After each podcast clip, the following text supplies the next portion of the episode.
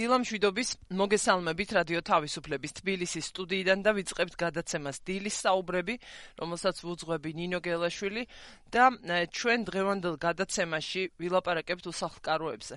გვილაპარაკია არაერთხელ ამ სტუდიის ეთერშიც ჩვენ ამ პრობლემაზე. აა ხოლო ლაპარაკი ვიცი რომ არაფერს შველის, მაგრამ ნიშნულოვანია იმის გააზრებაც, რომ უსახლკარობა ნორმალურ სახელმწიფოში არ უნდა იყოს განაჩენი და არ უნდა იყვნენ ასეთ მდგომარეობაში აღმოჩენილი ადამიანები მინდობილი ბედისწერას. როცა ისინი სახელმწიფოში ცხოვრობენ. და ეს ვალდებულება საქართველოს სახელმწიფოს სამართლებრივად აქვს აღებული.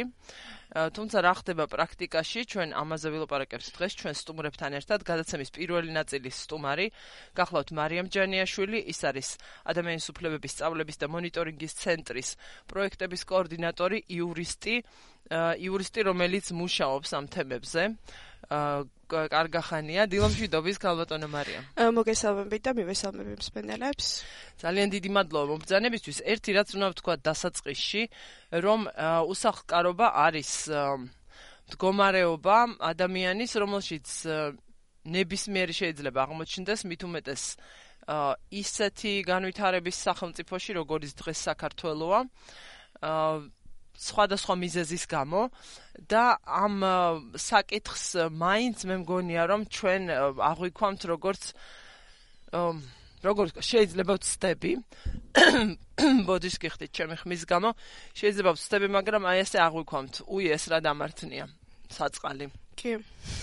რაღაც შეიძლება თქვათ რაღაცა ხელი გაუწდინოს ვინმე რაღაცით დაეხმაროს მაგრამ საკითხი სხვაგვარად უნდა იდგეს, სხვაგვარად უნდა გვარდებოდეს, ვიცი რომ არა აქვს ამას ერთი განზომილება მხოლოდ და არსად არ უნდა მთავრდებოდეს სახელმწიფოს პასუხისმგებლობა, რაც არ უნდა იყოს ასევე აბსტრაქტული რამ. და მინდა რომ მაქსიმალურად თქვენ დაგითმოთ დღეს დრო და რა თქმა უნდა მსმენელებს 2988-327-ია ჩვენი ტელეფონის ნომერი.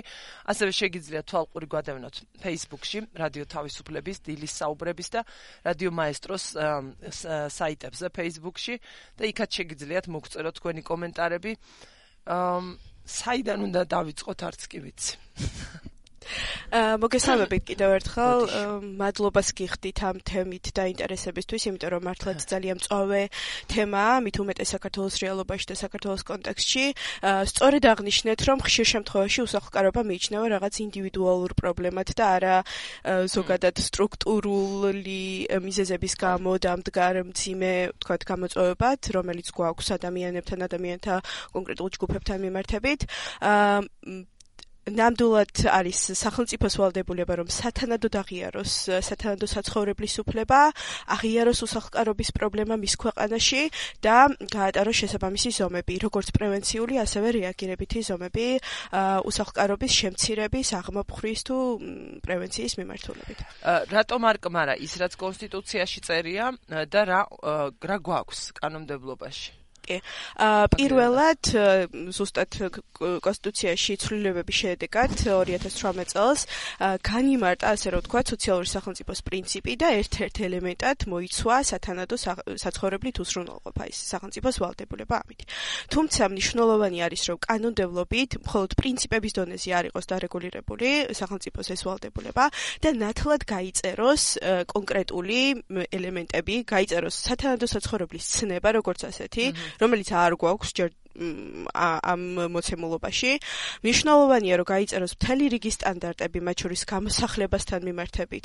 რა უნდა განახორციელოს სახელმწიფომ, როგორი უნდა იყოს გამოსახლება, როგორი უნდა იყოს რავალდებულებები აკისრია სახელმწიფოს, რა ტიპის საცხოვრისი უნდა უზრუნველყოს, ასე რომ ვთქვათ, გამოსახლების წინაშე მყოფი პირებისთვის, ანუ სახლკარო დარჩენილი პირებისათვის. და ასე შემდეგ. აა ამ ეტაპზე რა გვაქვს კანონმდებლობაში? ამ ეტაპზე კანონმდებლობა არის ძალიან ფრაგმენტული. მიუხედავად იმისა, რომ საქართველოს 1994 წელს შესასრულებლად სავალდებულოდ აღიარა გაეროს პაქტი, რომელიც ეხება ეკონომიკურ, სოციალურ და კულტურულ უფლებებს, რომ ამ პაქტის ერთ-ერთი მუხლი ეხება ზუსტად სათანადო საცხოვრებლის უფლებას, მიუხედავად ამისა, საქართველოს კანონმდებლობა არ არის დაახლოებული ამ შესასრულებლად სავალდებულო საერთაშორისო სტანდარტებს. არის ფრაგმენტული ფრაგმენტული და ძირითადად მოიცავს ადგილობრივი თვითმმართველობის ადგილობრივი მუნიციპალიტეტების მიერ უსახლკარო პირების თავშესაფრით უზრუნველყოფის ვალდებულებას. რაც რა თქმა უნდა არის უკიდურესად ვიწრო ვალდებულება და არ შესაბამება კიდევ ერთხელ აღნიშნავ იმ საერთაშორისო სტანდარტებს, რომელიც უწესებს სახელმწიფოებს ვალდებულებას, რომ პირველ რიგში გაატარონ მთელი რიგი ზომები, მათ შორის საკანონმდებლო პოლიტიკის, ინსტიტუციონალური სერვისების მიმართულებით, რათა განახორციელონ უსახლკარობის პრევენცია და აღმოფხვრა, განახორციელონ სტატისტიკის წარმოება და ასე შემდეგ. მეორე მხრივ, კანონმდებლობაში რაც გვაქვს ხარვეზი, ეს არის უშუალოდ უსახლკარო პირის ცნება, რომელიც ასევე უკიდურესად ვიწროთ არის განმარტებული და გულისხმობს უსახლკაროდ მიიჩნევს იმ პირს, რომელსაც არ აქვს მუდმივად განსაზღვრული საცხოვრებელი საცხოვრებელი ადგილი და ადგილობრივი მუნიციპალიტეტების მიერ არის რეგისტრირებული უსახლკაროდ. აი ეს ორივე ელემენტი გამოირჩევა, ასე რომ ვთქვათ, პრობლემურობით და ხარვეზიანობით. რაშია პრობლემა?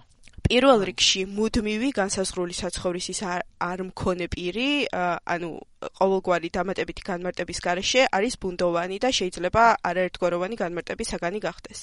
ანუ ჩვენ როდესაც ვსაუბრობთ უსახლკარობაზე, როდესაც ვსაუბრობთ იმაზე, რომ უსახლკარობის ცნებამ უნდა მოიცვას მთელი რიგი სხვადასხვა ფორმები, მათ შორის უსახლკარობის დაფარული ფორმები, არასათანადო საცხოვრისში მცხოვრები პირთა ჯგუფები და ასე შემდეგ.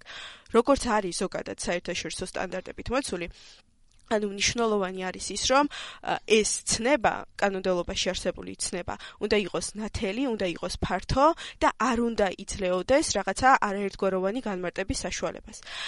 მაშინ, როდესაც არ გვაქვს ეს რაღაცა დამატებითი განმარტებები, ვინ ითვლება მუდმივ განსაზღვრულ ადგილის ან მქონე ადამიანად, შეიძლება იყოს გამორიცხული მთელი რიგი პირები. მათ შორის არიან მათ ინსტიტუციებში მცხოვრები პირები, რომლებსაც უბრალოდ წასასვლელი არ აქვთ და იძულებულები არიან, რომ წლიდან წლამდე ცხოვრობდნენ იმ ინსტიტუციებში. მაგალითად ჩვენ ადრე ახლახან ვაპარაკობდით ფსიქიკური ჯანმრთელობის დაწესებულებებზე, სადაც არიან ასეთი პირები, რომლებსაც არ სჭირდებათ ამ სამედიცინო დაწესებულებაში ყოფნა მაინც და მაინც, მაგრამ არ აქვს წასასვლელი. კი, ეს არ გვერდს თავისთავად, დიახ, ეს არ გვერდს თავისთავად ძალიან ბევრ სტანდარტს, რომელიც მიემართება შიშმო პირებს და ინსტიტუციონალიზაციის აკრძალვას, როგორც ასეთი, იმიტომ რომ არ უნდა არსებობდეს ესეთი დიდი ზომის ინსტიტუციები. და მათ შორის არასათანადო საცხოვრისში მცხოვრები პირები, არაკონვენციურ ნაგებობაში მცხოვრები პირები, ანუ ესენი თითქოს გამორიყული არიან და რეალურად გამორიყული არიან იმ ცნებიდან, რომელიც გვაქვს საკანონმდებლო დონეზე. მეორე ელემენტი, რომელიც გვაქვს, ეს არის მუნიციპალიტეტების მიერ პირის უსახლკაროდ რეგისტრაციის ფაქტის არსებობა, რომელიც ხო გვაქვს ამ კანონმდებლობაში. თვითონ მუნიციპალიტეტები მიუხედავად იმისა, რომ კანონმდებლობაში არსებობს ესეთი მოთხოვნა, საკმაოდ შეზღუდული რაოდენობა აწარმოებს ასეთ სტატისტიკას. კერძოდ, საკანონმდებლო მაცნეზე, რომელიც არის ოფიციალური წყარო საკანონმდებლო აქტების, მხოლოდ 12 მუნიციპალიტეტის ესე კანონქონდებარე ნორმატიული აქტი იწებნება პირის უსახლკაროდ რეგისტრაციისა და შესაბამისი საცხოვრებელი საცხოვრისის ფართის, ასე რომ ვთქვათ, გადაცემის შესახებ. რაც არის საკმაოდ მცირე რიცხვი.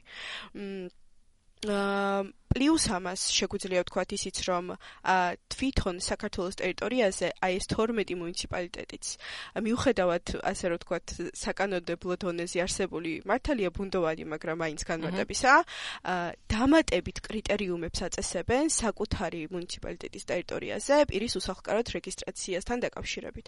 რაც ნიშნავს იმას, რომ მთელი საქართველოს ტერიტორიაზე იმ მუნიციპალიტეტებში, რომლებიც ახორციელებენ ამის რეგისტრაციას, კი, არაერთგვაროვ უნდა ხდება პირის უსახლკაროდ მიჩნევა, რაც რა თქმა უნდა უთანასწორო მიდგომის საფუძველი ხდება მე უკვე მთელ რიგ უსახლკარო პირთა ჯგუფებში. რას ეფუძნება ეს ალბათ რისი საშუალებაც გვაქვს ასე ასე საზღურავენ შემდეგ წესსაც? თუ როგორ არის? ჩვენ თქვენ კი ეს სტატისტიკა ახსენეთ საუბარში და მესმის დრო არ გვაქვს ბევრი არც ერთ შემთხვევაში არ გვეყოფა დრო, რა თქმა უნდა, თემის ამოსაწურად დღევანდელ ეთერში, მაგრამ სტატისტიკა ახსენეთ, არ ვიცით რამდენი უსახლკაროა დღეს საქართველოში. კი, ეს არის რეალობა. რომ არიან ეს ვიცით ზუსტად. კი. ხედავთ, ან არ ვიცი, ვერც ხედავთ, ნაწილს ხედავთ ალბათ. და ასევე მნიშვნელოვანია მაინტერესებს რაიმე ცოდნა, რაიმე ინფორმაცია მაინც მიახლოებულ სტატისტიკაზე არსებობს. ბუნებრივია ეს მუდმივიც არ არის ეს სტატისტიკა. პირველ რიგში უნდა ვთქვა, რომ სტატისტიკასთან დაკავშირებით, რომ არსებობს კანონმდებლობაში სოციალური დახმარების შესახებ საქართველოს კანონში იმის ვალდებულება, რომ ჯანდაცვის სამინისტროს სიპმა სოციალური მომსახურების სააგენტომ აწარმოოს ერთიანი სტატისტიკა უსახლკარო პირთა შესახებ. ამისთვის ამავე კანონმდებლობით არის დადგენილი ადგილობრივი თვითმმართველობის მუნიციპალიტეტების მოკლედ ვალდებულება, რომ შეაგროვონ საკუთარ ტერიტორიაზე უსახლკარო პირთა რაოდენობა და შემდგომ უკვე მიაწოდონ სოციალური მომსახურების სააგენტოს. აა როდესაც გამოვითხოვეთ ინფორმაცია სულ ახლახან სოციალური მომსახურების სააგენტოდან, აღმოჩნდა რომ მხოლოდ სამი მუნიციპალიტეტის ინფორმაცია არის მიწოდებული მისთვის, ანუ ერთიანი სტატისტიკა, როგორც ასეთ სახელმწიფოს არ აქვს. და იქიდან გამომდინარე, როგორც წინაზე აღნიშნე, სხვადასხვა მეთოდოლოგია, სხვადასხვა წესები არსებობს პირის უსახლკაროდ მიჩნევებასთან დაკავშირებით, შესაბამისად ეს მიწოდებული მიღებული ინფორმაციაც თუნდაც მუნიციპალიტეტის არ არის რელევანტური, იმიტომ რომ სხვადასხვა კრიტერიუმს ეფუძნება. ზოგადად მასშტაბის შესახებ ინფორმაცია ძალიან რთულია, რომ ეხლა ვისაუბროთ ამასთან დაკავშირებით, იმიტომ რომ სახელმწიფო ჯერ ვერ შეთანხმდა რას ვუწოდებთ უსახლკაროს, იმიტომ რომ ჩვენ გვაქვს როგორც აღნიშნე საერთაშორისოდ მიღებული, ასე რომ ვთქვათ, სტანდარტები, რომლის მიხედვითაც ბევრი განზომილება უნდა იყოს გათვალისწინებული და ძალიან ბევრი პირთა ჯგუფი უნდა იყოს, ასე რომ ვთქვათ, შესული უსახლკარო და საცხოვრისთან გარიყულ პირთა ჯგუფში. ხო, პირველ რიგში მნიშვნელოვანია, რომ სახელმწიფომ დაადგინოს უსახლკარობის ფორმები მის ტერიტორიაზე და შემდგომ უკვე აწარმოოს სტატისტიკა აღნიშნულ პირთა რაოდენობის შესახებ. ანუ ეხლა მიახლოებით არ გვაქვს ინფორმაცია, ჩვენ ვიცით უბრალოდ უსახლკაროდ რეგისტრირებულ პირთა შესახებ, რაც რა თქმა უნდა არასახავს რეალურად საქართველოსში არსებულ მდგომარეობას. ისიც ვიცით, რომ დაახლოებით მხოლოდ თბილისში ათასობით ადამიანი არის ეგრეთ წოდებული თვითნებურად აქვს დაკავებული სახელმწიფო და კერძო ობიექტები. თუმცა ეს არის უსახლკარობის მხოლოდ ერთი ფორმა, რომელიც აუცილებლად უნდა იყოს გათვალისწინებული სახელმწიფოს კანონმდებლობაში, პრაქტიკაში და პოლიტიკაში, თუმცა ესენი არ არიან მხოლოდ ერთადერთი ჯგუფი, რომლებიც შეიძლება მიიჩნეოდეს უსახლკაროდ. და ეს ადამიანები, ხო, ეგეც უნდა მეთქვა, ეს ნაწილი, რომელიც რომელსაც დაკავებული აქვს თვითნებურად თავის გადასარჩენად ესა თუ ის შენობა, რომელიც თავისთავად კიდევ ცალკე საკითხია, რომ არის ხშირ შემთხვევაში შეუსაბამო და საშიში ცხოვრებისთვის, ჯანმრთელობისთვის ადამიანის, პლუს კიდევ მას აქვს მუდმივი განცდა, რომ ის რაღაცას უკანონოდ ჩადის და ყოველთვის ექნება და აქვს მოლოდინი, რომ სახელმწიფო მას ამისთვის ამისთვის მას დასჯიან კიდეც, ანუ კიდევ ამ მორიგი ადგილიდანაც თუ საჭირო გახდა ვინმეს ინტერესი გამოჩნდა კერძო, გამოასახლებენ. აქ ასევე მნიშვნელოვანია იმის გააზრებაც, მეტნაკლებად, რა თქმა უნდა, ყველაფერს სრულფასოვნად ვერ მოვიცავთ, რა შეიძლება იქცეს ადამიანის უსახლკარობის მიზეზად. მე ვთქვი რომ საქართველოს განვითარების სახელმწიფოში, ტიპის სახელმწიფოში ასეთი რამ ყოველ ფეხის ნაბიჯზე მოსალოდნელია. ყველასთვის მოსალოდნელია, თუ დაფიქრდებით, კარგად მიხვდებით ამას. ეს არ არის ის, რაც ვიღაცამ ცუდად ვამბობ, მაგრამ მაინც მინდა რომ ყველაფერი ვთქვათ, ვიღაცამ დაიმსახურა ეს ასე ეს ლოგიკური შედეგია რაღაცის, ასე არ არის. და სხვადასხვა მიზეზი შეიძლება მოკლედ იყოს ამისთვის. ერთი მაგალითად ესეთი გავრცელებული და ეს რეალობაც არის. ეს არის ურთიერთობა საფინანსო ორგანიზაციების, არამც და არამც არ ვაპირებ და არც თემა არ არის და არც არის ეს რაღაცა ჩემი ის როგორ ვთქვა ამას ამოცანა რაღაც დაპირისპირება საზოგადოების ამ ინსტიტუტებთან თუნდაც მაგრამ ერთი არის საფინანსო ინსტიტუტებთან მოქალაქეების ურთიერთობა როცა ისინი თავიანთ საცხოვრებელს დებენ ასე ვთქვათ სესხის სანაცვლოდ სესხისა რომელიც რა თქმა უნდა როცა ერთადერთ საცხოვრებელს დებ და მგონი ეს რეგულაცია შეიცვალა გარკვეულწილ აუცილებლობით არის გაპირობებული და ეს არავის არ უხარია. აა და შემდეგ ხდება ხშირად ეს სრულდება მარცხით, იმიტომ რომ მაგალითად თუ კი ეს უკავშირდება ადამიანის ან მისი ოჯახის წევრის ჯანმრთელობის მდგომარეობის ხელშეწყობისთვის საჭირო ხარჯებს. იქ იქ არჩევანი აღარ დგება რაც გაქვს რაც შეგიძლია იმას აკეთებ. ეს არის ერთ-ერთი გზა. არ ვიცი ყველაზე გავრცელებული თუ არა, რადგან სტატისტიკა არ გვაქვს. ამაზე უბრალოდ ინფორმაცია გვაქვს, რადგანაც სტატისტიკა არსებობს შემდეგ უკვე თავად საფინანსო ინსტიტუტებიდან. სხვა რა კიდევ ბევრი რამ შეიძლება იყოს ოჯახური ურთიერთობები უსამართლო რა ვიცი უფლებების წართმევა ერთმანეთისთვის და ასე შემდეგ. დიახ, ამას მიზეზებთან დაკავშირებით აღნიშნავ, რომ კიდევ ერთხელ გაუსვამ ხალხს იმას, რომ ნიშნულოვანია, რომ უშუალოდ სახელმწიფო პოლიტიკის განხორციელების და დაგეგმვის დროს სახელმწიფო იკლიოს უსახლკარობის მიზეზები. როგორც აკეთებს ამას ის ქვეყნები აკეთებენ ამას ის ქვეყნები, რომლებიც სრულნავენ სათანადო საცხოვრებლის უფლების გარანტირებაზე მათ ქვეყნებში და როგორც ასე რომ ვთქვათ ახორციელებენ და გეგმავენ სახელმწიფო პოლიტიკას ამ მიმართულებით. ზოგადად მიზეზებზე საუბარი ასევე გვიჭირს, იმიტომ რომ არ ვიცით უსახლკარობის ფორმები და მათ წინაშე არსებული გამოწვევები, თუმცა შემიძლია ვთქვა, რომ 2015-2016 წლებში EMC-მ განახორციელა სოციოლოგიური კვლევა, ზოგადად უსახლკარობის ფორმების, მათ წინაშე არსებული გამოწვევების, უსახლკარობის მიზეზების იდენტიფიცირებისათვის და ამ კვლევის დროს ამოვიდა ცალკეული მიზეზები. მათ შორის ერთ-ერთი ყველაზე მწვავე, რა თქმა უნდა, არის ჯანმრთელობიდან გამოწვეული ხარჯები, აა, იმიტომ რომ სწორედ ამ ხარჯებმა მე შემდგომ განაპირობებს უკვე ამ ადამიანების ჯერ არსათანადო სოცხორიში გადასვლა, შემდგომ უკვე უსახლკარობა. დიახ.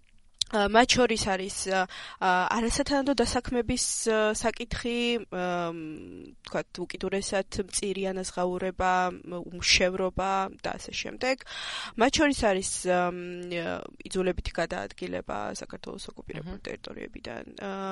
არის ოჯახური ძალადობა, არის ზუსტად ის, რომ თქვათ, გენდერული უთანასწორობით გამოწვეული უსახლკარობა და არასათანადო საცხოვრისი.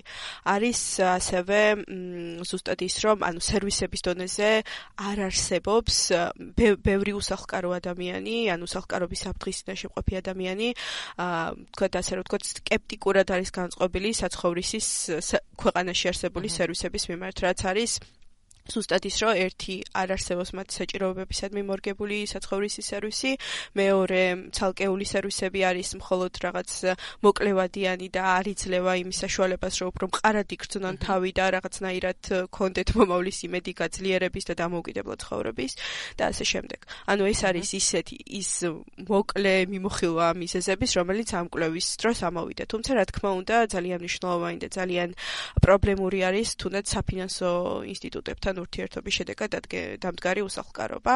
ჩვენ EMC-ს ქონდა შეხვედრა რამდენიმე თვის წინ ზუსტად იპოთეკით დაზარალებულ პირთა ჯგუფებთან. ეს ჯგუფები არ არიან ერთგვაროვანი ჯგუფები, არიან როგორც ვთქვათ, კერძო მევახშეებისგან დაზარალებული პირები, ასევე ბანკისგან, ბანკის იპოთეკისგან, ასე რომ ვთქვათ, უსახლკარო დარჩენილი პირები და შემიძლია ვთქვა, რომ ეს პირებიც უშუალოდ არიან ის პირთა ჯგუფები, რომლებიც შეიძლება და დიდი ალბათობით სახელმწიფო ვერ ხედავს როგორც უსახლკაროს. რატომ ვერ ხედავს? იმიტომ რომ ამ პირთა უმრავლესობა როგორც ასეთი ქუჩაში არ ცხოვრობს. როგორც აღიქვამს სახელმწიფო ეხლა უსახლკარობას, ხო? თავის კანონმდებლობით დადგენილი დეფინიციით. აა ნაწილი ცხოვრობს ისეთ ნაგებობებში, როგორც იყო მაგალითად ყოფილი საქათმე, და იქ ცხოვრობს, მაგრამ სახელმწიფო უყურებს, რომ რაღაცა საცხოვრისი აქვს და მორჩა. აა ნაწილი ცხოვრობს მეგობრებთან, ნათესავებთან და ასე შემდეგ. ითხოვენ, რა თქმა უნდა, მუნიციპალიტეტებისგან შესაბამის, თქვათ, საცხოვრისის გამოყოფას, თუმცა როგორც ვთქვით, მუნიციპალიტეტებს არ აქვთ იმის პოლიტიკა, რომ რაღაცნაირად და არ აქვს შესაბამისი სერვისები განვითარებული რომ მიაწოდონ ამ ადამიანებს ეს შესაბამისი დახმარება. მარიამ ჯანიაშვილია ჩვენი სტუმარი დღეს გადაცემის პირველ ნაწილში რადიო თავისუფლების დილის საუბრებს უსმენთ მსმენელი ყავს ხაზზე ჩვენი ტელეფონის ნომერია 2988327 თქვენ ეთერში ხართ გისმენთ. გამარჯობა სალვატო ნინო. გამარჯობა გისმენთ. ქალბატონო მარიამი მე ესეთი კითხვა მაქვს. აი რასთან არის დაკავშირებული ეს გაუხვეწლობა გაუ გაუკვევლობა გაუმჩივალობა კანონისთან მიმართებაში როდესაც ამაზე ამაში სისხლი ჩააღვარეს ჩვენ გაგაცით ჩვენი მოკავშირე ნატოს ქვეყნების სახელმწიფოებმა. და ყველაფერი განმარტებული არის და ხელის გულზედებს. ხო აი როგორც ევროპიდან მოკავს ან ამერიკიდან მანქანა აწყობილი დავიდან ბოლომდე სრული პაკეტებით და მუშაობს ყველაფერი ისევე წესი ყველაფერი. თუ ეხლა ჩვენ ხელისუფლებას ტვინი არ ყოფნის ამის და ამის ის 50 წელი არ უნდა დახარჯოს როცა გამზადებული ველოსიპედი არსებობს ახალი გამოგონება რასაჭირო რა შეუხდით ამ ხელა ხელფას პარლამენტს ან სამინისტროებს? რომ წარადგინონ ეს კანონები ზუსტად იმ სტანდარტებით როგორც არის ევროპაში და ადამიანი არის თავადი ღირებულება. ესეთი ეშმაკური დამოკიდებულება რატო არ შეჩვევითი ღირებულიდან გამომდინარე? აი რაში ვიხდი ჩვენ ფულკა შეიძლება ჩვენ ეს ევროპული კანონები გადმოიღოთ მოსახლეობის საკითხებს. მიუხედავად იმისა, რომ ჩვენ შეიძლება ვერ ვართ ისეთი გასახელწიფო, მაგრამ კანონი ხომ მაინც უნდა არსებობდეს. გასაგებია, კი ბატონო, გავიგე. რა მნიშვნელობა აქვს? დიდი მადლობა შეკითხვისთვის. 2988327-ია ჩვენი ტელეფონის ნომერი. ასევე შეგიძლიათ მოგწეროთ სოციალურ ქსელში. ეშ როგორ თქვა? ეშმაკობის ბრალია თურისი. აა პირველ რიგში უნდა აღნიშნო, რომ ზოგადად საცხოვრისის უფლება და უსახლკარობის წინააღმდეგ ბრძოლა წლების განმავლობაში და სულ იყო სახელმწიფოს მიერ არაღიარებული პრობლემა. ეს შეიძლება იყოს გამოწეული ძალიან ბევრი მიზეზით, მათ შორის ზუსტად ის, რომ ვთქვათ, ადამიანების ინდივიდუალურ პრობლემად მიიჩნეოდა და ესეთი დამოკიდებულება აქვს საზოგადოებას და სახელმწიფოს. ამასთან ერთად, რა თქმა უნდა, საცხოვრისის პოლიტიკის დაგეგმა და განხორციელება მოითხოვს დიდ ფინანსურ რესურსებს. არის ძალიან კომპლექსური თემა, რომელიც რომლის ასე რომ ვთქვათ, დაწყებაც ამ მიმართულებით შესრულებით პოლიტიკის ცვლის არსებითად სოციალური დაცვის სისტემის თელ ასპექტებს, იმიტომ რომ არ შეიძლება რომ რაღაც იზოლირებულად განახორციელო რეფორმა, მხოლოდ ამ უფლებასთან მიმართებით, იმიტომ რომ არსებითად ცვლის მათ შორის უსახლკარობის გამწვევი მიზეზების ხო და იქ მხოლოდ საცხოვრისი აღარ არის, შენობა. აქ მხოლოდ საცხოვრისი არ არის. ეს არის ზოგადად ერთი დამოკიდებულება მეორე მხრივ ზოგადად ფინანსები და რა თქმა უნდა მნიშვნელოვანი არის აღნიშნოთ რომ კარგად იყოს გააზრებული ანუ ცოდნის მხრივაც სახელმწიფოს და არამხოლოდ სახელმწიფოს მიერ ზოგადად საცხოვრისის ელემენტები რომელიც გვაქვს საერთაშორისო სტანდარტებით დადგენილი და ის ვალდებულებები რომელიც აკისრია ქვეყანას. რაც შეეხება ზოგადად სადვართ ამაზეც გავცემდი პასუხს ამ ამჯერად ვართ რაღაც ორი მიმართულებით ვითარდება პროცესი, თუმცა ვერ ვიტყვია ამჯერად, რომ ძალიან ეფექტიანად მიდის ჯერჯერობით მუშაობა. წლების განმავლობაში პირველი ჩანაწერი, ასე რომ ვთქვათ, საცხოვრისის მიმართულებით პოლიტიკის შექმნისა, იყო ადამიანის უფლებების დაცვის სტრატეგია, რომელიც დაამტკიცა ეროვნული სტრატეგია, რომელიც დაამტკიცა საქართველოს პარლამენტმა 2013 წელს და იქ იყო ერთ-ერთ სტრატეგიულ მიმართულებად გაწერილი სათანადო საცხოვრებლის უფლებასთან დაკავშირებული ვალდებულებების შესრულება. რაც ნიშნავდა იმას, რომ უნდა შექმნილიყო კანონმდებლობა, რომელიც იქნებოდა საერთაშორისო სტანდარტებთან დაახლოებული, უნდა შექმნილიყო შესაბამისი სტრატეგია, საბინაო, ასე რომ ვთქვათ, სტრატეგია, უნდა მომხდარიყო სერვისებით უზრუნველყოფა და ასე შემდეგ. თუმცა, მიუხედავად იმისა, რომ სახელმწიფო მესე რაღაც სტრატეგიულ მიმართულებად განსაზღვრა ეს თემა და ეს სფერო, არც ერთ სამოქმედო გეგმაში, რომელიც შეიქმნა ამ ეროვნული სტრატეგიის შესასრულებლად და იმპლემენტაციისთვის ეს თემა მინიმალურ დონეზეც კი არ შესულა. რაც ნიშნავს იმას, რომ ეს სამოქმედო გეგმები და სტრატეგია სტრატეგიის მოქმედება სრულდება 2020 წელს, რაც ნიშნავს იმას, რომ საერთოდ ეს სტრატეგიული მიმართულება სათანადო საცხოვრებელი არ გამხდარა სახელმწიფოს ასე რომ ვთქვათ პრიორიტეტი. როდემდე შეიძლება ეს ასე დარჩეს? მეორე მხრივ, აი ზუსტად ამას ვამბობდი, მეორე მხრივ EMC-ის ღია საზოგადოების ფონდის ადვოკატირების შედეგად მოხდა, რომ OGP-ის ღია მართლობის პარტნიორობის სამოქმედო გეგმაში გაიწერა ის ზოგადი ვალდებულებები სათანადო საცხოვრებლის უფლებასთან დაკავშირებით კერძოდ უნდა შექმნილიყო და შეიქმნა კიდევაც სპეციალური უწყებათა შორისი კომისია, რომელმაც რაც უნდა შეიმუშაოს უკვე საცხოვრისის სტრატეგია და სამოქმედო გეგმა. საკმაოდ დიდ ვადებთან გვაქვს საქმე და საუბარი 2021 წლისთვის უნდა მოხდეს თქვათ ამ საცხოვრისის სტრატეგიის და სამოქმედო გეგმის წარდგენა. თუმცა უნდა ვთქვათ ისიც რომ ჯერჯერობით რაღაც მუშაობა არის დაწყებული, თუმცა ისე ეფექტიანად არ მიმდინარეობს და მნიშვნელოვანია, რომ მიუხედავად დიდი ვადისა, ეს იმდენად კომპლექსური თემაა, რომ მნიშვნელოვანია, რომ ელემენტარულ საკითხებზე მაინც იყოს შეთანხმება და მნიშვნელოვანი პროგრესი აჩვენოს კომისიამ და ამ კომისიის საფუძველზე მოქმედმა სამუშაო ჯგუფმა. მეორე მხრივ არსებობს თემატური მოკვლევა საქართველოს პარლამენტში ამ საცხოვრისთან დაკავშირებით, რომლის შედეგადაც წესით უნდა შეიქმნას სპეციალური თემატური მოკვლევის დოკუმენტი, რომელიც ზოგადად აღწერს ქვეყანაში არსებულ გამოწვევებს. თუმცა ანუ ჯერჯერობით ამ მიმართულებითაც არ გვაქვს რაიმე ტიპის წინსვლები.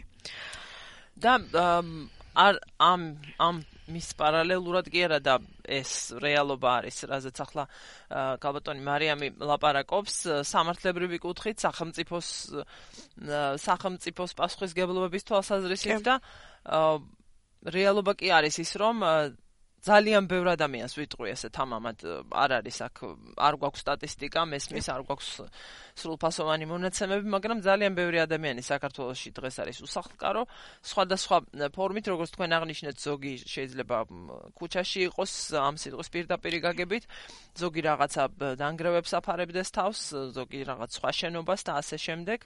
და კონკრეტული საჭიროებები აქვს ამ ადამიანებს და მყისიერი ვერ დაელოდებიან, ხომ? იმ ყველაფერს, რაზეც თქვენ ახლა ბრძანებდით, რის გარეშეც მესმის რომ შეუძლებელია პოლიტიკის შექმნის გარეშე შეუძლებელია ამას მიუდგე, ასე ვთქვათ, კომპლექსურად და ასე შემდეგ. რა შეიძლება, რა არის პრაქტიკა, არ ვიცი როგორ დავსვა კითხვა, რა შეიძლება გაკეთდეს პირველ რიგში, ვიდრე ეს ყველაფერი მოხდება, თუ გაქვთ რაიმე რეკომენდაცია სახელმწიფოსთვის იმ ადამიანებისთვის, ვისაც ახლა აქვს კონკრეტული საჭიროება, თქვა რაღაცა პროგრამებს მიებან თუ აი რა რა უნდა ქნან. კი.